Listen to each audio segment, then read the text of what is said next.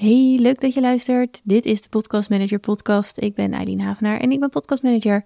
En ik help anderen om dit mooie vak ook uit te oefenen. Onder andere met deze podcast en met mijn opleiding tot Podcast Manager. En aflevering 50 wordt een bijzonder thematische aflevering. Want ik deel vandaag mijn jaarcijfers. Aan het einde van 2023 had ik dat al beloofd. Ik heb toen ik begon ook al heel snel mijn aangifte BTW van Q3 dan, even denken, gebruikt om daar ook een aflevering over te maken. En ik merkte al dat dat goed beluisterd werd, blijkbaar interessant. En weet je, ik zelf heb ook wel eens een workshop, masterclass, online webinar bij gewoond van iemand die ook haar jaarcijfers deelde. En dat vond ik heel interessant en gewoon fijn om te weten. Niet omdat ik haar omzetdoelen ga behalen of dat ik daar iets aan af wil steken of mijn eigen doelen op wil baseren, maar het is gewoon fijn als iemand er een keertje over praat. En dat doe ik nu dus ook als podcastmanager. Wat kan je verdienen in een jaar? Hoe heb ik dat gedaan? Was het allemaal podcastmanagement? En hoe groot is het onderdeel opleiding wat daar dan in zit? Ik ga het gewoon met je delen. En doe ermee wat je wilt. Het is niet de bedoeling dat je hier onzeker van wordt of dat je dit is wat je moet gaan doen. En of ik dezelfde cijfers haal dit jaar, heb ik ook geen idee van. Ik pak de dingen nu heel anders aan, maar dat zal ik zo meteen nog wel eventjes wat verder specificeren. Afijn, here we go. Ik heb in 2023 in mijn eentje als zelfstandig podcast manager, als eenmanszaak, als zelfstandig ondernemer, ZZP'er, noem het maar op, heb ik 57.376 euro omzet gedraaid. Ik laat de centen even bij de beschouwing. En dat betekent dus omzet is letterlijk het bedrag wat je aan facturen hebt gestuurd. Dus dat is het geld dat je van jouw klanten hebt ontvangen. Dat is je omzet. De kosten die ik heb gemaakt voor het draaien van dit bedrijf waren 8.977 euro. Dus je zou kunnen zeggen dat ik op weg was naar 60.000 euro omzet en dat mijn kosten een kleine 9.000 euro waren. Aan BTW heb ik betaald 10.000 euro en 9, nee, 10.089 euro. Dus afgerond ook iets van 10.000 euro heb ik mogen afdragen aan belasting aan de BTW. Goed, wat betekent dat dan voor de winst? Want dat is het als je je omzet, dus die 57.300 nog wat, min de kosten, dus die bijna 9000 euro doet. De winst die ik heb gedraaid, dat is het geld wat je in principe zelf mag houden. Dat is je salaris eigenlijk als, als ZZP, als zelfstandige ondernemer, is 48.399. Van de winst gaan nog inkomstenbelasting af. Dus het is net als dat als je in loondienst bent, dat je een bruto salaris hebt. Daar gaan nog allerlei belastingen af en zorgverzekeringswet en dergelijke. En nou allemaal dingen die eraf gaan. en dan hou je uiteindelijk een netto salaris over. Dat is dit hetzelfde. Dus de winst is 48.399 in bruto, zeg maar, bruto salaris. En hier gaat nog een heel deel inkomstenbelasting af. Maar goed, dat weet ik pas. Mijn jaarcijfers is ook een beetje tussen aanhalingstekens, want ik weet het echt pas als mijn boekhouder die aangifte heeft gedaan. En dat lijkt eigenlijk heel erg op de aangifte die je doet als je in loondienst bent. Ik zou hem zelf misschien kunnen doen, maar dat wil ik niet. Dus ik heb dat uitbesteed aan een heel fijne boekhouder. Die doet dat dan voor mij. En die neemt dat dan ook voor mijn toeslagpartner of belasting fiscaal partner. De termen weet ik niet helemaal precies, maar die neemt dat ook mee. Dus dan worden die combinatie van de ene loondienstbaan en de andere zelfstandig ondernemer worden dan samengevoegd. En daar wordt dan een aangifte voor ingediend en dan weet ik echt wat ik ook moet betalen aan de belasting. Ter vergelijking met 2022, dat was mijn eerste volledige jaar als ondernemer. Ik heb daarbij best wel veel kosten gemaakt om mijzelf op te leiden. Ik heb best wel wat coaching gehad en dat, nou ja, dat is een keuze waardoor ik uiteindelijk op een winst van min 930 uitkwam. Op, en dat, heeft dus, dat was uiteindelijk na de boekhouder. Dus als je dat tegen elkaar wegzet, heb ik dus meer kosten gemaakt dan dat ik omzet heb gemaakt. En dat betekent dus dat ik verlies heb gedraaid. Mijn inkomen was min 930. Safe to say dat ik dus zeer weinig belasting heb hoeven te betalen. Dat zal dit jaar wel anders zijn. En dat is een goed teken wat mij betreft. Goed, die omzet dus. Die ga ik even voor je uiteenzetten in de verschillende onderdelen waardoor ik die omzet heb behaald. Ik heb Moneybird. Ik zal een linkje in de show notes zetten naar Moneybird. Ik ben, ik ben er heel tevreden over. Ik vind het een ontzettend fijn programma en het geeft mij echt real-time inzicht in hoe het gaat met mijn bedrijf, waar ik heel rustig van word. En op Moneybird heb ik ook mijn boekhouder erbij gezocht. Dus ik heb een boekhouder in de buurt gezocht die Moneybird expert is.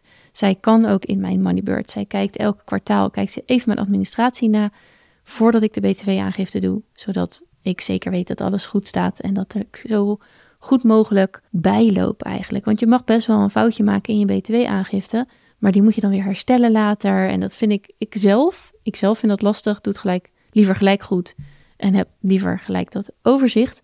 En ik doe dus ook nog heel veel zelf. Alleen zij checkt mijn administratie. Maar met Moneybird kun je dus echt heel fijn zelf je administratie bijhouden. Heel fijn programma. Ik heb een affiliate link. Zet ik in de show notes. In Moneybird heb ik dus ook een aantal omzetcategorieën toegevoegd. Omdat ik niet alle omzet heb gehaald uit puur en alleen podcast management. Het deel wat uit podcast management is gekomen is wel het grootste deel. Maar van die 57.376 euro omzet heb ik 27.861 euro omzet uit podcast management gehaald. Dat is dus niet eens de helft. En wat zegt dit? Nou, vrij weinig. het feit dat ik afgelopen jaar de kostwinner was, dat ik alle tijd had om te gaan werken, omdat thuis voor mij alles geregeld was, letterlijk tot op het eten op mijn bord aan toe heb ik dus heel veel andere initiatieven kunnen ontplooien. Sowieso had ik natuurlijk mijn opleiding.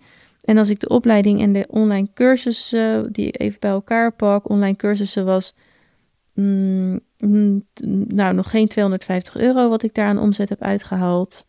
En de opleiding was 4896. Dus dat is ook een mooi bedrag.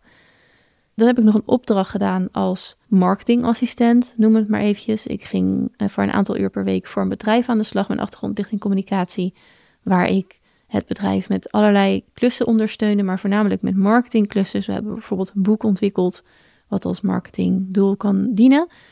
Daar heb ik hem bij geholpen. En daar heb ik, uh, even kijken hoor, zo'n 14.000 euro omzet aan gedraaid. En dat is natuurlijk ook een flink deel van die omzet van dat jaar geweest. Ik ben ook Heel blij dat ik dat heb kunnen doen. Ik heb er een hele fijne tijd gehad, totdat ik er ook klaar voor was om nog meer tijd te focussen op dat podcast management. En hiermee wil ik eigenlijk zeggen dat het dus ook als jij start als podcast manager, dat het fantastisch is als jij direct een heel jaar salaris, wat je ook wil verdienen, een hele jaar omzet kan halen uit het podcastmanagement. Echt geweldig gedaan.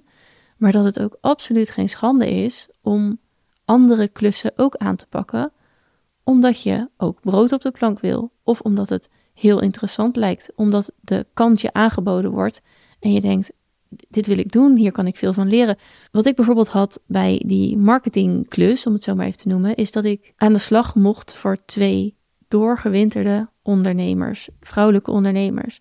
In mijn situatie was dat ontzettend aantrekkelijk, omdat ik heel veel van ze kon leren door gewoon bij ze in de buurt te zijn, door hen met z'n tweeën met elkaar te horen overleggen over het bedrijf, door te, te mogen zien welke doelen zij voor zichzelf en welke doelen zij voor hun bedrijf stelden. Dus heb jij nevenklussen naast je podcastmanagerschap, wees daar dan ook gewoon hartstikke trots op. Super fijn dat je op die manier ook omzet binnen kan halen en dat je daar ook je netwerk mee vergroot, dat je daar plezier uit haalt. Hè? Gewoon dat het leuk is. Hartstikke tof om te doen. Dan kwam de rest van de omzet uit uh, wat coachingstrajecten die ik nog uh, had. Uh, dat was dan coachte ik een aantal podcasters voor drie, vier maanden lang. Ik heb wat mentoring calls gehad. Dat is letterlijk boek een uur van mij en ik beantwoord al je vragen of ik meedenken of dat. Ik heb natuurlijk les gegeven op het ROC. Dat was van september tot en met december. Heb ik les gegeven op een MBO-school in Amersfoort. Docentenpodcast was ik. Daar heb ik nog een flink deel van mijn omzet ook uitgehaald. En ik heb een aantal eendagstrainingen, workshops gegeven, online masterclasses, dat soort ja, sprekers, lesgeef, workshopklussen noem ik het maar. En dat waren de categorieën die ik voor het afgelopen jaar heb gesteld. So, now you know. Dit waren mijn, het zeiden de cijfers van mijn afgelopen jaar van mijn 2023. Ik ben bizar trots op de cijfers die ik heb gedraaid. En dat heeft niet eens te maken met de hoogte ervan, maar het feit dat ik, dat ik die kans heb gegrepen. Dat ik het heb aangedurfd. Dat ik het bijvoorbeeld heb aangedurfd om voor die MBO-klas te gaan staan. En daar ook echt daadwerkelijk voor te kiezen. Maar ook dat ik het uiteindelijk heb aangedurfd om te kiezen voor nog meer podcastmanagement, omdat de tijd daar rijp voor was. En dat is altijd spannend, want ik had bij wijze van spreken uh, aankomend jaar die lessen weer kunnen geven. Dan had ik, ik had het al een jaar gedaan, dus ik had gewoon mijn eigen lessen weer eruit, het, zeg maar, uit het vet kunnen halen. En dan had ik die gegarandeerde omzet gehad. Maar ik merkte ook dat het veel van mijn focus vroeg. Het was een hele dag per week die ik onderweg was. Je bent gewoon een dag onderweg en een hele dag dus kwijt uit je. Uit mijn bedrijf voelde het op een gegeven moment. Dus dat paste niet meer. Ik wilde focus. Ik wil mijn podcastmanagement bedrijf laten groeien. Met uiteindelijk ook de keuze aan het einde van het jaar om zeg maar van één Pitter Eileen Havenaar om te schakelen naar podcast management agency Noisy Media. Voor mij is dat een hele fijne omschakeling geweest, omdat ik nu op de een of andere wijze groter kan denken dan dat ik zelf ben. Het feit dat ik die, al was ik maar, zeg maar één bitter gebleven, maar dan had ik die naam al eigenlijk moeten omarmen, zodat ik verder dan mijn eigen zijn, mijn eigen persoontje kon denken. Blijkbaar werkt het voor mij echt beter om naast een personal brand ook gewoon een bedrijf met een eigen entiteit te zijn of zo. Betekent niet dat dat voor jou allemaal moet gelden. Betekent absoluut niet dat jij het precies zo moet doen als ik. Sterker nog, laat me alsjeblieft weten als je het leuk vindt. Mag je met mij ook je cijfers delen of je vragen stellen? Please do. Want mijn droom is het om de komende jaren een vakgebied te ontwikkelen hier in het Nederlandstalige gebied, Nederland en België bij elkaar en overzees, waar ook Nederlands gesproken wordt, en andere plekken op de aardbol, maar in het Nederlandstalige gebied een community te, ja, community, gewoon meerdere podcastmanagers die fijn met elkaar samenwerken, waarvan je van elkaar weet, die heeft dat talent, die vindt die klanten leuk, die elkaar dingen kunnen leren, die meedenken, die elkaar wat gunnen. Ja, dat lijkt me gewoon fantastisch om dat op die manier neer te zetten hier. En daar hoort, wat mij betreft, ook openheid bij voor zover dat voor jou fijn voelt, maar ook het feit dat je voor elkaar klaar staat met vragen. En omdat eerlijk is eerlijk, ik een van de eerste ben, een van de um, bouwers ben aan dit vakgebied, sta ik daar volledig voor open als jij daarover vragen hebt. Daar is natuurlijk ook mijn opleiding voor ingericht. Er zitten coachcalls bij. Je krijgt niet alleen de kennis en de inzichten, maar ook gewoon coaching van mij. Je kunt al je vragen stellen. Ik gooi gewoon de registers open. En ik neem je gewoon mee, eigenlijk net zoals ik dat in deze podcast ook doe. Heb je dus vragen? Heb je opmerkingen? Mail ze gerust.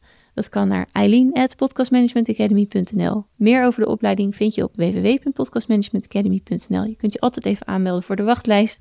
Ik ben geen spammer met mailtjes. Sterker nog, op dit moment krijg je een mailtje. Super tof dat je op de wachtlijst staat. En heb ik geen wekelijkse mailing of iets waardoor je me elke week van mij hoort. Dat is echt deze podcast op dit moment. Misschien verandert dat nog, maar weet dat dat zo is. Zet je op de wachtlijst. Sta je op de wachtlijst, dan krijg je sowieso een mooi kortingsaanbod als de opleiding weer gaat draaien. En op dit moment is dat, draait die en gaan wij in september weer van start met ronde 2 van 2024. Dankjewel voor het luisteren en tot de volgende.